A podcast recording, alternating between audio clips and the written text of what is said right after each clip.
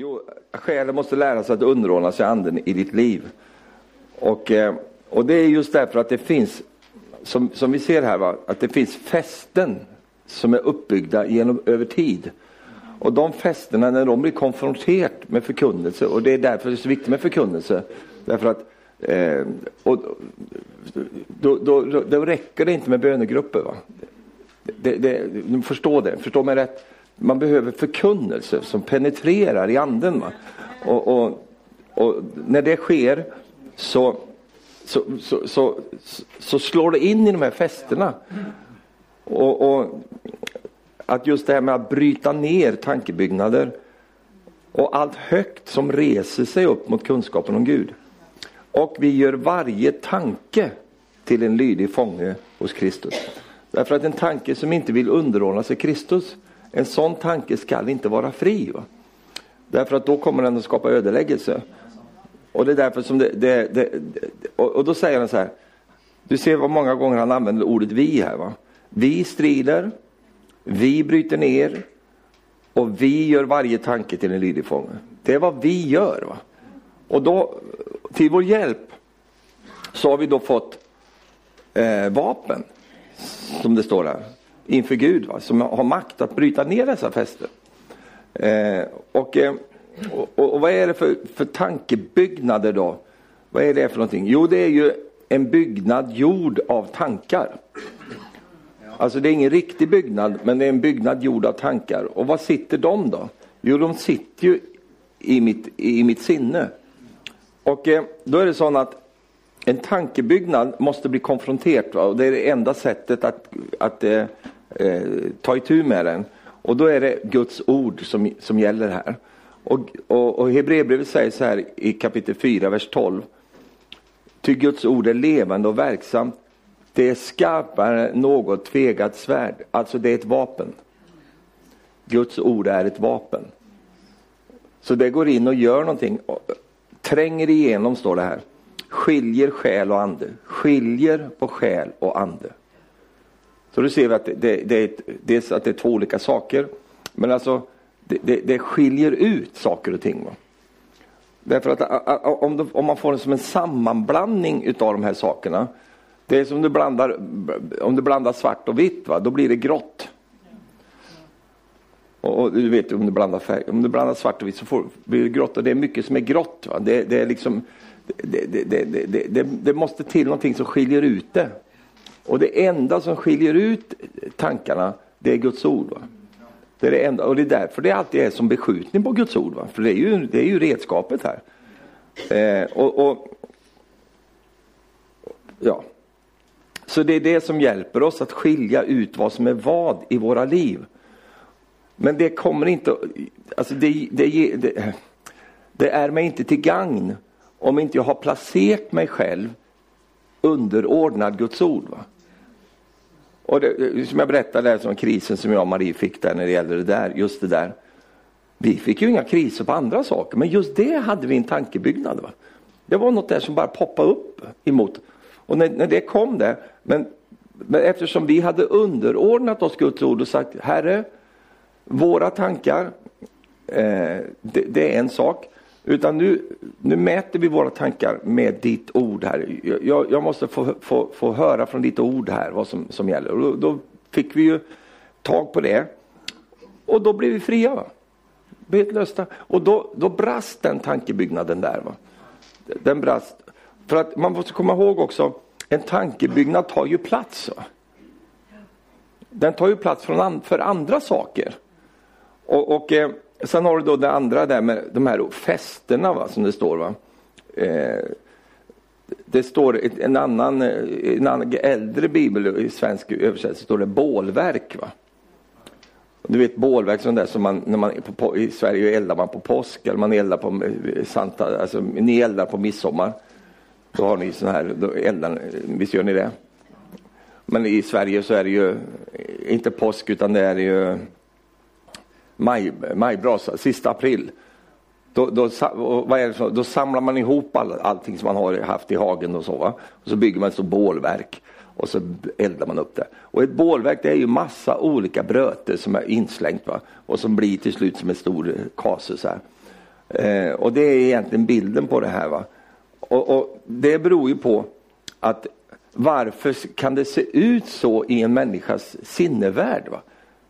Det är som ett stort bålverk. Va? Det är massa grejer som ligger där. Och Ja, det beror ju på att det, det, det har inte funnits någon, någon ordning där. Va? För att hela det här bibelordet som jag har använt och läst för det här nu, det handlar ju om att man skapar ordning. Va? Man bryter ner det som inte ska vara där, man tar till fånga tankar som, som lösa tankar som flyger omkring, tar till fånga och för dem in under Kristi lydnad. Alltså det är ju, det, det man bringar ordning helt enkelt. Och du ska lära dig ett, ett eh, eh, jag hoppar över lite grann här, jag ska lära dig ett ord här. Nej, jag tar det sen istället. Jag, jag följer mitt, min plan. här. därför att vad Guds ord säger i, vers, eh, i, i Jesaja bok 26, i vers 3.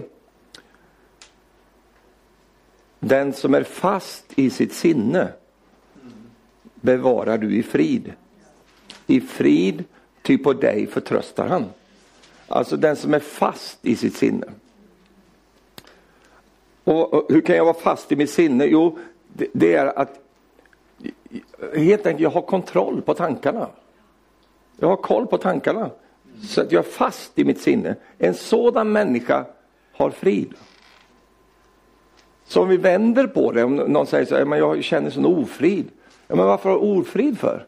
Ja, det beror på att det är någonting som inte är fast. Och då, då, då är det en, det är en koppling mellan, mellan frid och sinnet här. Därför att den som är fast i sitt sinne bevarar du i frid, i frid typ till på dig förtröstar han. Och, och eh, vi har ju exemplet Jesus. Va? Att eh, Det står i Markus 5, vers 35. Jag bara kastar in det här.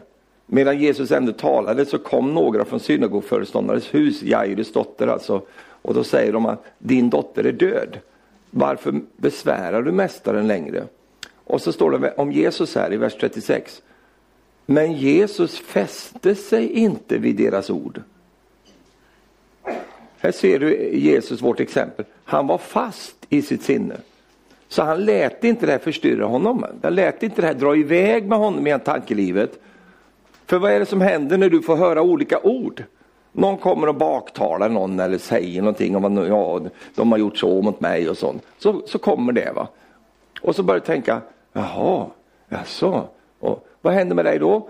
Ja, men då, då blir dragen i en riktning och du kan få flera dagar att gå omkring och ha jobbigt med det där. Va? Tills du kommer på att ja, men det här det kan ju inte stämma det här. Det, så, och, sånt. och så kan, blir det löst. Men de tre dagarna du har haft jobbigt är helt onödvändiga. Därför att om du är fast i ditt sinne då, då, då, då, blir det som Jesus, han fäste sig inte vid deras ord. Varför då? För att de orden de, de, de var inte ord som, som kom från Herren. Va? Så han hade förmågan att styra där. Va? Och det är det som gör att, att eh, Jesus han vandrade i en sådan styrka hela tiden.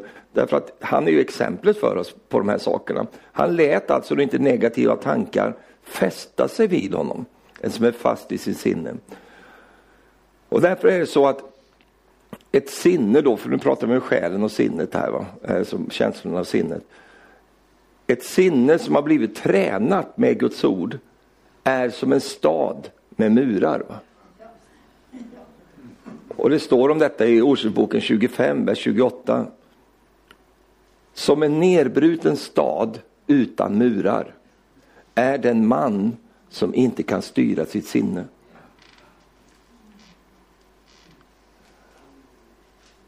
Och, eh, och då, ja där har du det. Och då är ju bilden de medeltida städerna, de bibliska städerna, du vet ju vad som hände. Eh, och, och, och, vi läser om Nehemja som fick höra att murarna var nerrivna så bara, han föll i gråt. Va? Därför att en, en, en, en, stad vid den här tiden som inte har intakta murar är så sårbar. Va? Det är lätt för fienden att bara komma in och ödelägga. Det är vad Bibeln använder för att tala om ett, ett sinne som, går, som, som, inte är styr, som inte, en man som inte kan styra sitt sinne. Han är precis lika sårbar som, som, som Jerusalem var när, när murarna var nerrivna. Därför att när murarna är nerrivna då är det ett beskydd i staden. Va? Och när, när, när våra murar i sinnet är, är där de ska vara, då beskyddas hela ditt käns dina känslor, det, det som är det fina i ditt liv, det blir beskyddat därför att det finns murar som beskyddar. Kan du säga halleluja? Jag kommer ihåg, jag brukar ta med, eh, när jag jobbade på Livets Ord, så tog jag med ungdomar ute när man skulle predika. Va? Och så lät jag dem predika lite också. Va? Och det är ju, man tränar, tränar ungdomarna. Så skulle ut predika. Vet. Och då, så efter, efter mötet vet du, var de helt slut. Va? De var fullständigt slut. Och så, va? Det var något fruktansvärt här ikväll. Det var Kände du det? Det var, det, var, det var så hemskt. Och då brukar jag skoja lite med dem och säga, nej jag kände ingenting då. Men det var ju som kamp. Det var ju en sån kamp i mötet. Då. Kände du inte den kampen? Nej, kände ingen kamp. Så. Det var ju underbart härligt att flöda här ikväll. Det var jättejobbigt. Och så brukar de komma dagen efter och ha haft som mareritt liksom hela kvällen. Liksom. Och, så här, va. och det är ju för att de var nybörjare. Va? Och jag, jag ska inte säga, jag, var, jag ska inte vara stöddig alls för jag var exakt likadan när jag började. Alltså jag hade sån kamp, alltså det var så jobbigt när man skulle tjäna Gud och stå upp så här och, och nej, fy, vad, uh, ja, allt det där som hände. Och vet du vad det berodde på? Murarna var inte där. Va? Därför att det finns många saker som när murarna är där, du, är inte, du vet inte ens om vad som smäller borta i murarna. Va? Därför att du går där in i staden och du har frid.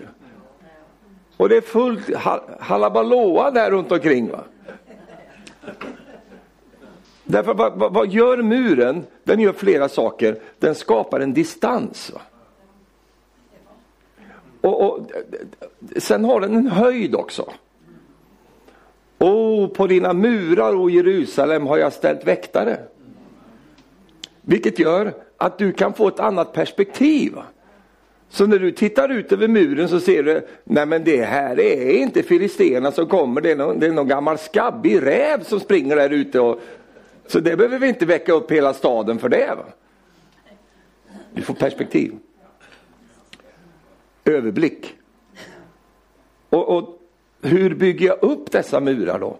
Därför att det är ju sånt, du, du, kan, du, kan, bara göra en koll på dig själv. Därför att om det är ting som, som så att säga, bara, det bara kommer så nära. Va? Hopp, så här. Och du har det där, anfäktar det något enormt alltså. Och då ställer jag spörsmålet till dig, varför har det kommit in där? Det ska inte vara där. Det ska vara utanför. Men varför har det kommit in? Därför att det, har, har, det finns någon öppning här. Får man mura igen där? Ja, ska man jobba nu igen? Jajamän, det ska man göra. Bygga upp de murarna. För då kan du sova gott på nätterna. Halleluja, då kan du känna det, ja, men vet du, då behöver du inte bli ängslig för allting som händer och allt som sägs. Utan du kan bara vandra trygg. Och, därför att murarna fungerar. Nåväl, sen har vi, ser vi, såg vi en annan sak här i eh, eh Andra Korinthierbrevet som vi läste. Det betyder alltså, vi har fått makt att ta auktoritet över tankar. Och det hade jag ju första gången jag talade om trons auktoritet. Att vi har fått auktoritet, att ta eh, makt, alltså rättighet, att ta auktoritet över tankar. Halleluja. Det står så här i, i domarboken så står det så här. När jag såg, du kan bara lyssna på det här, när jag såg att ni inte ville rädda mig tog jag min själ i min hand och drog iväg mot ammoniterna och Herren gav dem i min hand. Och jag, jag fastnade på det ordet. Jag tog min själ i min hand. Spring inte iväg nu. Hopp! Han tog kontroll över själen helt enkelt. Och det är inget ovanligt därför att i Guds ord säger så här. Eh, varför är du så orolig min själ i mig? Lita på Gud. Va? Stod på Herren. Alltså han kan prata till sin själ. Och säga till, hörru du själ, kom i ordning här nu. Amen. Skärp dig nu. Och, och, och det, ibland får vi göra det. Va? Vi får faktiskt tala till själen och säga till den, skärpning här nu. Ja. Säg till din kompis, det är inte så illa som du tror. Och, och, jag har massor att säga om alla de här punkterna men jag vill ju försöka ta mig igenom den här kvällen här.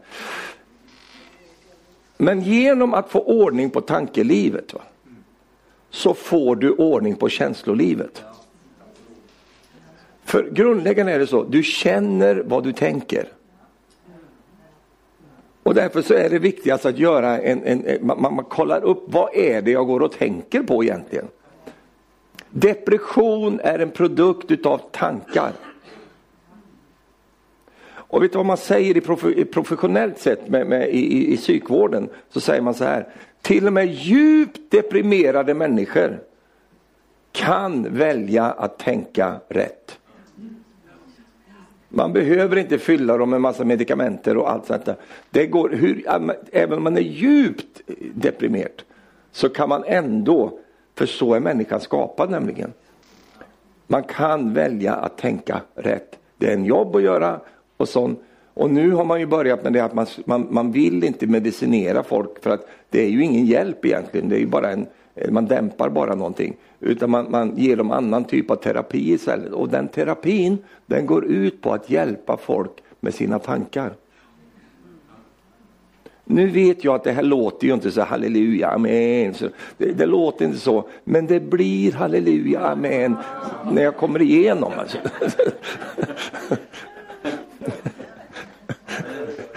amen. För det finns ingenting som är så underbart som att ha frid i själen. Att känna att själen är min medarbetare, inte min motarbetare.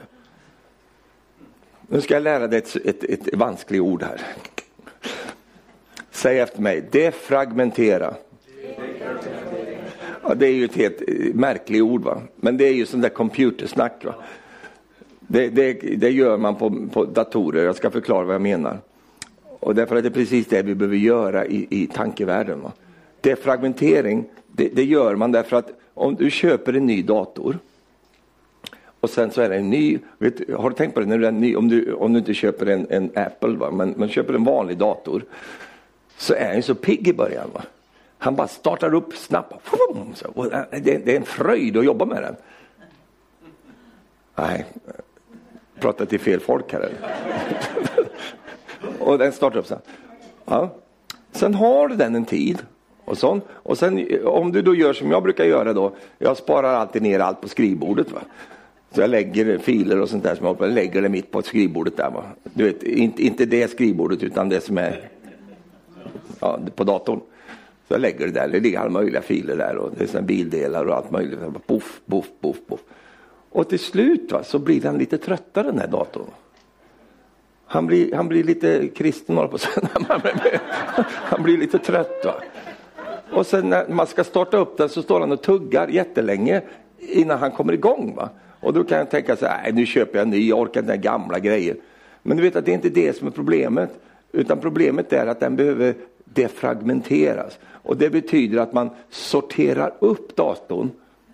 Det är egentligen ungefär som du tänker bibliotek. Det är massa böcker inslängda överallt. Va? Men du bestäm- och du hittar aldrig någon bok heller. Därför att du har dem ingen ordning på dem. Men om du tar in dem i kategorier och ställer in böckerna på, i den ordningen så, så finner du, ja, jag ska, jag ska, när jag ska undervisa om ande, själ och kropp, då har jag massa böcker om det som jag kan gå och titta på och då, då, då vet jag, att de, de står där. Va?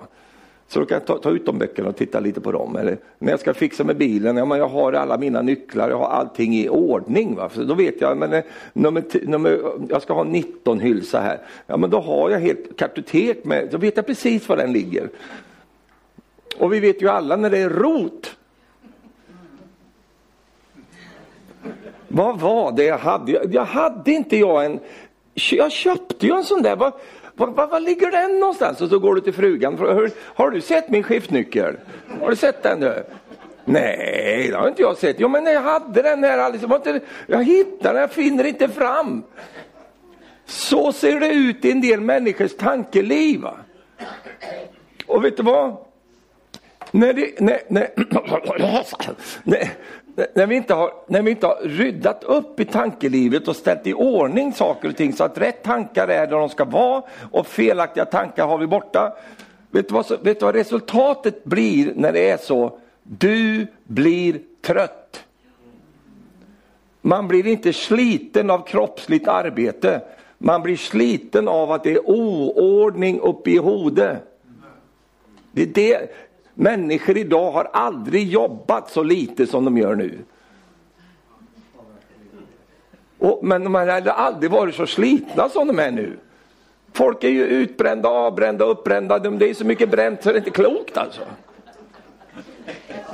De har ju semester hur mycket som helst och ferier och höstlov och vårlov och jullov och påsklov. Och sen har de lite lov däremellan också. Det är ju hela tiden. Och jag tänker, jag är så sliten. Vet du varför man är sliten? Inte för att man jobbar med kroppen, utan man är sliten därför att det pågår kaos här uppe i huvudet. Och man får leta så länge innan man får ta på tankarna och allt detta. Då behöver man defragmentera, det vill säga inventera och ställa i ordning saker och ting. En andlig människa är en människa med ordning. En andlig människa liker ordning. Vet du varför? Vi har en helig ande boende på insidan av oss. Han kallas för ordningens ande. Han är inte oordningens Gud, han är ordningen. Det, det ligger nedlagt. Halleluja. Halleluja. Därför att vad som händer när vi inte har, har liksom, eh, fått ordning på tankelivet, det är att det tar så lång tid för själen att gensvara. Därför att han ska gå igenom alla de här sakerna och det pågår...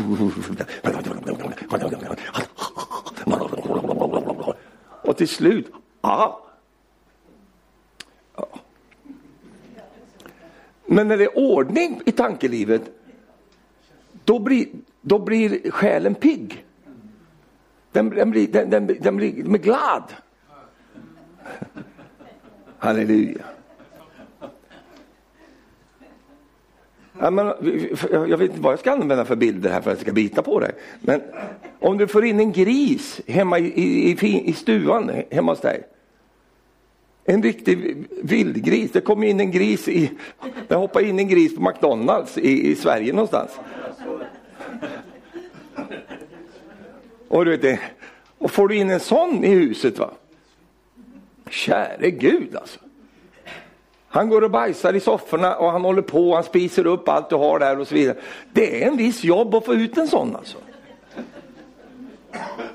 Och då kan ju du gå på möte och stjäla vår allt möjligt. Jag har så jobbigt med grisen i mitt hus och det är så hemskt och han är där och härjar och röjer. Och, fy vad jobbigt.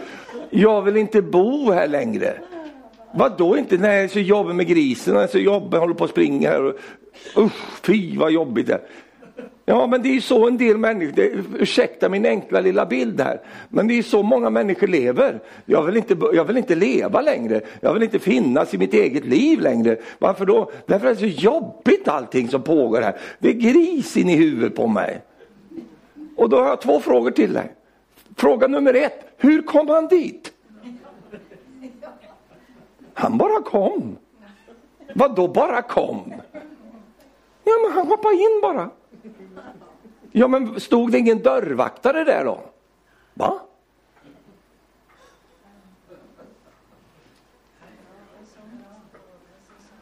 Du vet vart jag är på väg va? Vem är dörrvaktaren i ditt liv? Kom inte med Jesus nu. För det är inte Jesus som är din dörrvaktare, det är du. Ja. Och utan att du kanske har erfarenhet av grisar hemma hos dig, jag har inte det heller men jag kan tänka mig. Det är mycket lättare att hålla grisen ute ah, från första början än att ha han där inne.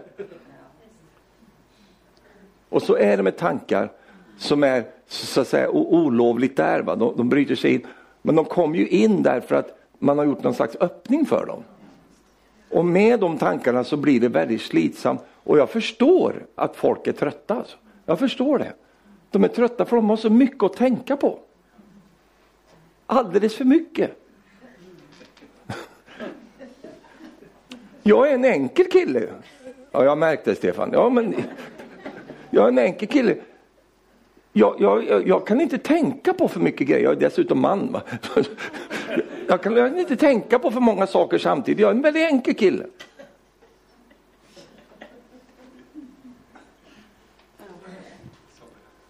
Jag kan inte ha ett kaos här uppe i huvudet. Jag kan inte det. Utan jag måste se till att de tankar som finns här, det är sådana tankar som leder mig åt rätt håll. Kan vi säga amen? Ja. Och återigen, det är Guds ord som är verktyget som hjälper oss. Halleluja. Du förstår själva poängen här. Den är väldigt enkel. Det är in i ordet. Ta tag i Guds ord. Vad säger Guds ord? För att det finns ju väldigt många laglösa tankar. Och du vet att du kan inte gå till storms mot alla tankar som finns. Va? Jag brukar ta bilden av, av kajer. Va? Säger ni de svarta små fåglar, inte kråkor utan kajer. Och de finns ju oftast där domkyrkorna är. Va? Ja, jag minns det. Fullt utav dem. I Uppsala var det massor, kommer ni ihåg det? Runt domkyrkan där. De kommer in som moln, va? massvis. Och jag gick och tittade på dem där en gång och såg att det var som moln med, med kajer då, som flög. Va? Så tittade jag på dem där. Va? Och då fick jag en tanke. Så där ser tankar ut. va. Tankar är som fåglar som flyger i skyn. Och vi kan inte gå och kriga mot alla fåglar som finns. Gå och skjuta på dem. Så det, det kan inte, det, det, om, har, du gått genom, har du gått genom butiken någon gång? Va? Du går genom butiken. Du går genom ett, ett hav utav tankar. Det tänks allt möjligt i de där butikerna. Har du, har du gått in i ett möte någon gång? I ett sånt här möte? Om du visste hur mycket tankar som har flyger runt den här kvällen. Härliga tankar, besvärliga tankar, märkliga tankar, gudfruktiga tankar, ogudaktiga tankar. Det här flyger fullt. Och när du går igenom en, en, en tanke eh, sån, då är det väldigt skönt att veta att det inte är mina tankar. Du kan gå igenom eh, liksom en, en tankehord eh, så här va. Och helt plötsligt så känner du dig så dålig. Va? För jag är så dålig, så värdelös. Och du vet ju att du inte är värdelös. Men du känner dig sån. Vet du varför? Det är tankar som flyger i skyn. Massa tankar. Och vi kan inte göra så mycket åt de tankarna, för de är ju där. Va? Men vad vi kan göra åt, det är de, de fåglar, om vi byter bild igen, det är de fåglar som sätter sig i huvudet på dig och ska bygga bo där. Va? Då är det din personliga angelägenhet. Va? Det kan du göra någonting åt. För ditt sinne ska vara Kristi sinne. Det ska vara ett sinne som är, är liksom vänt mot Gud. Va? Det ska vara ett sinne som, som följer Herren. Och när det då kommer tankar som är, jag menar, du kan ju gå igenom eh, eh, liksom, såna här tankesvärmar och helt plötsligt känner en massa orenhet. Va? Det har du aldrig känt kanske, men du är för gammal. Men du känner massa lusta, olika sådana saker. Och då får du som fördömelse, jag känner lusta, jag är kristen. Och fy vad hemskt du är, jag kanske inte är kristen nu när jag känner sådär.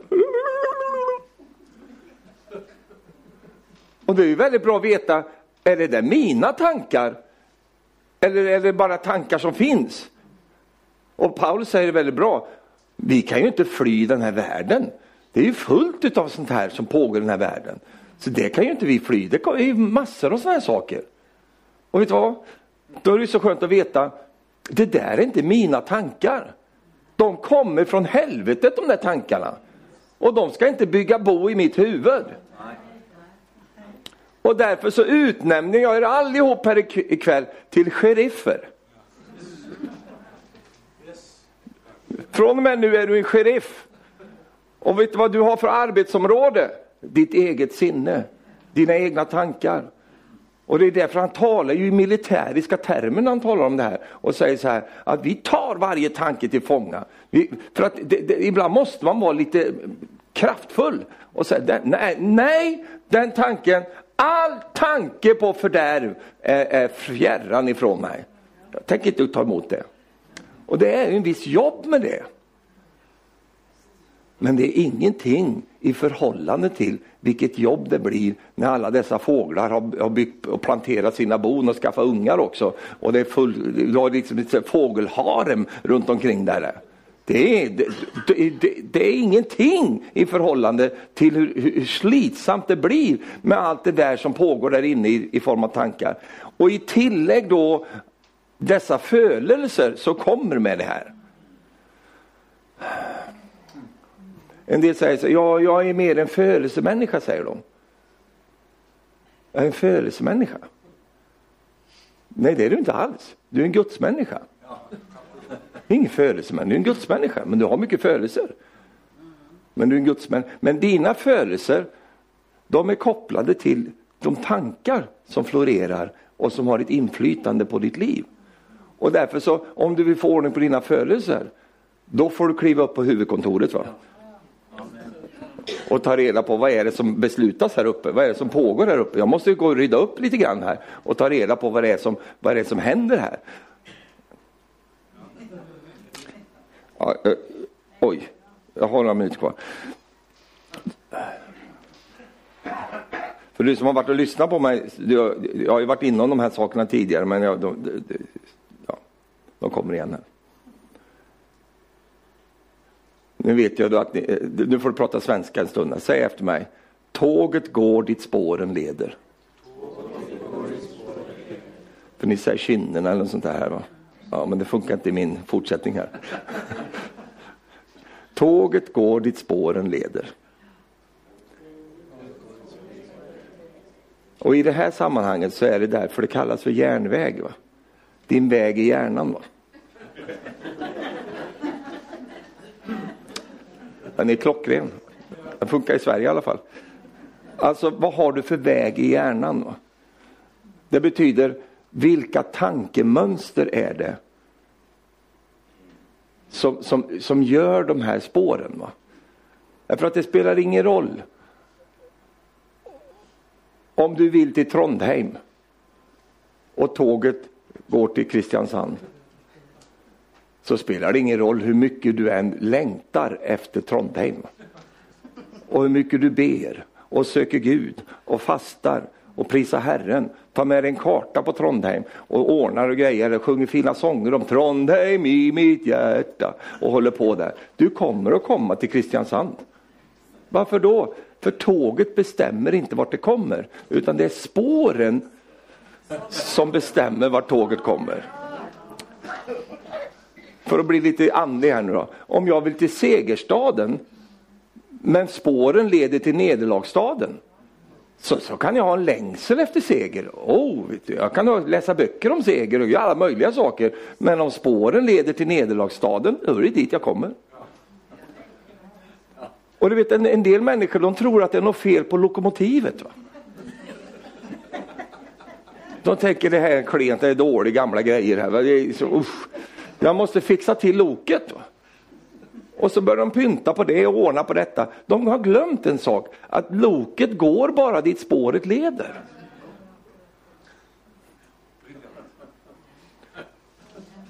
Och vad betyder det då i den här kontexten? Det betyder, alltså ett finare engelskt ord för det, det är core belief system. Alltså det är mina tank, det, det är tankemönstret. Och tankemönster det vill säga, det mönster utav tankar som, som, som finns i mig, de läggs redan när du är barn. Va? Man menar på att redan när, när, när, när barnet är ja, 6-10 år gammal så har mycket av tankemönstren redan lagts. Va? Och sen är det bara att man putsar på det här och jobbar på det här. Men, men, men de där läggs tidigt i livet. va Och det är därför som djävulen alltid vill åt barnen. Va? Det är därför som socialismen var smarta. De tog barnen va? Och, och började indoktrinera dem redan från, från, från det att de var små genom skolan. Och vad, vad, gör man idag? Jo, man ska till och med ner i barnehagen och tala om för, för, för barna att de, de, är, de är varken pojkar eller flickor utan de är lite vad de, vad de kan finna på för stunden. Det, det är för att man lägger tankemönstren där. 70 procent av ungdomarna inom pingströrelsen i Sverige tror inte att Jesus har uppstått från de döda. 70 procent. Man har gjort en undersökning. Det var en kille som predikade, en jättehärlig kille som predikade på ett stort ungdomsläger. Så talade han om de här hbtq-sakerna, talade om vad Guds ord säger och sen man och kvinna. Han fick ett sånt uppror emot sig. Därför att de här ungdomarna tänkte, du är inte klok, va? vad är det du står och säger? Vet du varför? Tåget går dit spåren leder. De har blivit indoktrinerade från det att de var små. De tror verkligen på detta. Och sen då när Guds ord kommer, då blir det som ett svärd va? som går in och skiljer ut de här sakerna. Jag förstår att det blir en reaktion. Och så långt har det gått i vår tid. Och då är det ju så att om fienden lyckas med detta, då behöver han inte göra så. Han bryr sig inte om vilket tåg du är. Om du är diesellokomotiv eller elstyrt eller vad det nu är. Förmodligen elstyrt för man får inte använda diesel längre. Så det spelar inte honom någon roll, för han vet vart du kommer. För han har ju varit där och hjälpt och lagt spåren. Va? Och det, det här är väckelserörelsernas största problem har varit, det är att humanismen startade för ungefär för 200 år sedan. Då började man ifrågasätta eh, hela, hela grunden för tron. Va? För innan dess så var det så att alltings mått var Gud. Va? Vetenskapen, eh, det var Gud som var i centrum och vi har en vetenskap vi vill finna fram, men Gud är skaparen, Gud är den som vi underordnar oss. Men till för 200 år sedan så började man ifrågasätta detta. Och sen så börjar andra typer av filosofer och andra som har fått en väldig inflytelse. Så flyttar man bort Gud och så ställer man in sig själv i centrum. Och därav har humanismen kommit som kallas för människan alltings mått. Då är det människan som är i centrum helt plötsligt. Detta pågick under tiden väckelserörelserna började födas. Så under 200 år har det pågått detta. Men väckelserörelsen har inte konfronterat det. Och fienden är smart förstår du. Han förstår detta att han är inte så mycket av att liksom hålla på och plocka frukter. Va? Det är ju det vi är experter på. Vi ser en dålig frukt, ner med den, bort med den. Vi håller på och plockar frukter. Usch, ner med den. Hurra! Men du vet att de frukterna som är där, de kommer ju av att det finns ett liv i trädet. Fienden vet ju, när han attackerar, vi attackerar fienden, då plockar vi frukter. När han attackerar oss, då sågar han roten. Han är nere i rotsystemet, det vill säga tankemönstren, det vi egentligen tror på, våra värderingar. Där är han nere där, för då vet han att då, har, då vinner han. Och så är det med dig också i ditt tankeliv. Om man kan plantera, placera tankar och tankemönster som tar dig åt ett håll som inte är ett bra håll. Så vet han detta, att om det bara får läggas där så följer vi de sakerna sen. Ja. Och sen, men så händer ju detta som har hänt med dig och mig. Vi blir frälsta. Vi, vi blir födda på nytt. Vi sitter på tåget och blir födda på nytt. Halleluja! Åh! Jag tar emot Jesus mitt i allt det här. Och helt plötsligt så får vi nya förutsättningar. Och samtidigt ser vi att det här tåget går ju helt fel håll. Alltså. Varför gör det det? Jo, därför att jag har ju ett tankeliv som är präglat av denna världen som gör att nu måste jag kavla upp armarna och så måste jag börja ändra på mina tankemönster. Tyvärr är det inte alla kristna som, som vill det. För de tänker ju, de, de, de tänker, nej men det har ju Jesus. Det får ju Jesus sköta. Men då säger Jesus, nej men det får ju du sköta. Käre Jesus, hjälp mig. Och så säger Jesus, käre du.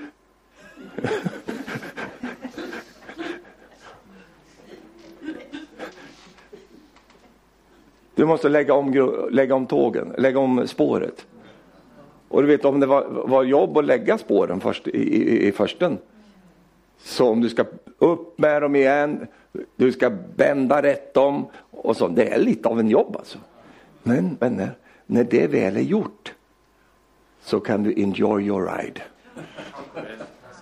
Då kan ni bara ni veta detta för spåren går rätt håll nu. Halleluja.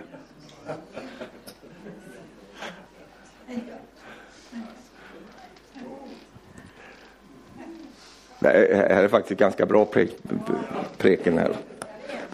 Tack för det. Så det är spåren som bestämmer vart tåget går. Och därför måste vi då...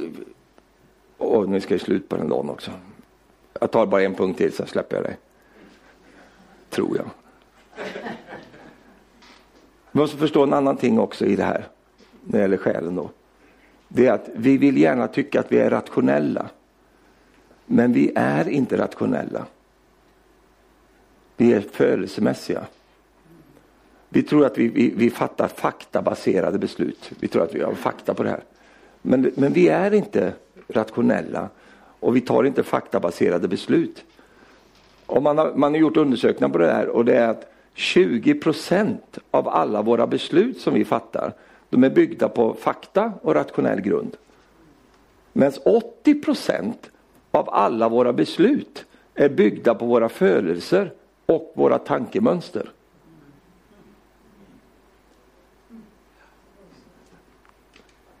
Och det leder mig till den här, den här sanningen, för det är en sanning. Vi ser inte på verkligheten som den är. Vi ser på den som vi är. Så när du tittar ut på verkligheten så, så är det inte så att Jaha, nu ser jag den som, nej du ser den som du är. Som du har blivit präglad, som du har blivit formad, som du har blivit, vuxit upp och som, det är utifrån det som du tittar ut på verkligheten och så fattar du beslut utifrån det. Och det är därför det blir en konfrontation ibland. Varför då? Därför så kommer Guds verklighet ner i ditt liv. Och sen så, så säger Gud, nej men det är inte så här, det är så här. Va?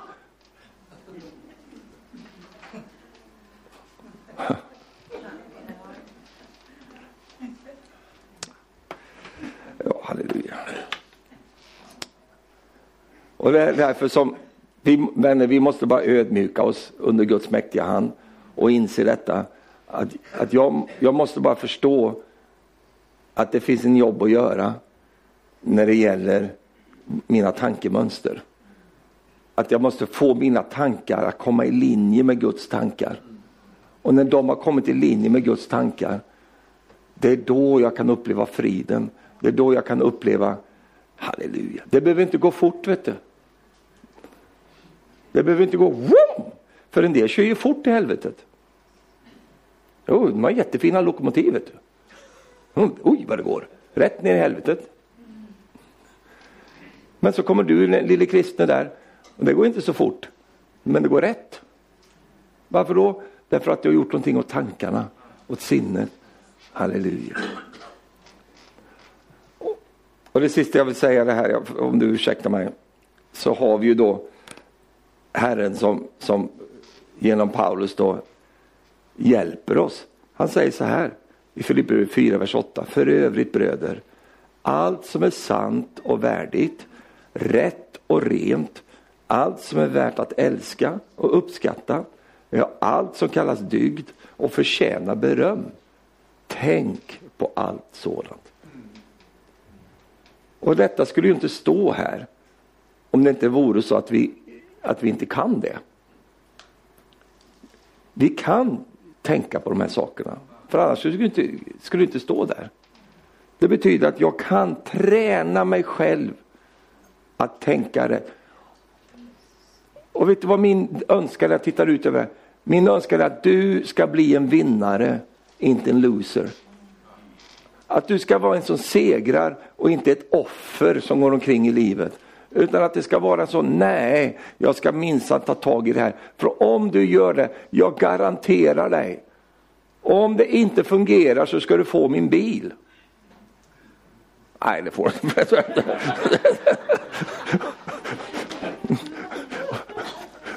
om, om det inte fungerar, så kom till mig då. Men om du inte ger det en chans, att börja jobba med detta, ta tag i detta. För en del av er är detta ett större problem än för andra. För det har varit så mycket kaos, va? det har varit så mycket jobbigheter. Och, och bara, du blir ju trött bara att prata om det här. Jag orkar inte. Och det är för att det, det är kaos här uppe i huvudet. Va? Men när Gud vill hjälpa dig få ordning och styrning på de här sakerna. Vet du vad? Du kommer att bli så förnöjd med både dig själv och din omgivning. Du kommer att uppleva, halleluja, äntligen tar jag tag i någonting som gör någon nytta. För du har på med saker som, du, åh vad du har ansträngt dig, men det, det var ingen nytta med det. En del de, de, de, de kör, en del fastar i veckovis istället för att jobba med sinnet. Det är inte fel att fasta. Men det kommer inte hjälpa dig här. Utan det som kommer hjälpa dig är att du bara bestämmer dig för jag ska se till att min själ underordnar sig anden och jag ska förnyas i ande och sanning och jag ska låta själen komma in under Guds ords behandling och jag ska bygga upp murarna igen och jag ska se till att, att eh, spåren inte leder mot helvetet eller mot nederlag utan de ska leda mot segern, de ska leda mot dit jag vill komma och jag ska ha tankemönster som gör att jag kan slappna av när jag sitter på tåget och livet för det kommer att ta mig till rätt plats. Det är, jag, jag, ska inte, jag ska inte, eh, jag, jag, ska säga det här. Det är en jobb alltså, det är det. Det är en slit, speciellt i början när du inte har några muskler. Utan du är van att bara låta vilka grisar som helst hoppa in i huvudet och eh, koka runt där. Det är en jobb i början, det är det. Men det är värt allt sammans. Det är värt allt sammans. Halleluja. Prisat vare Gud. Det är som att städa huset. Alltså. Fy vad det är jobbigt och du hittar på alla möjliga andliga ursäkter för att inte göra det. Jag tar det imorgon du. Vi, vi fixar det imorgon. Vi, vi tar uppvasken imorgon gumman.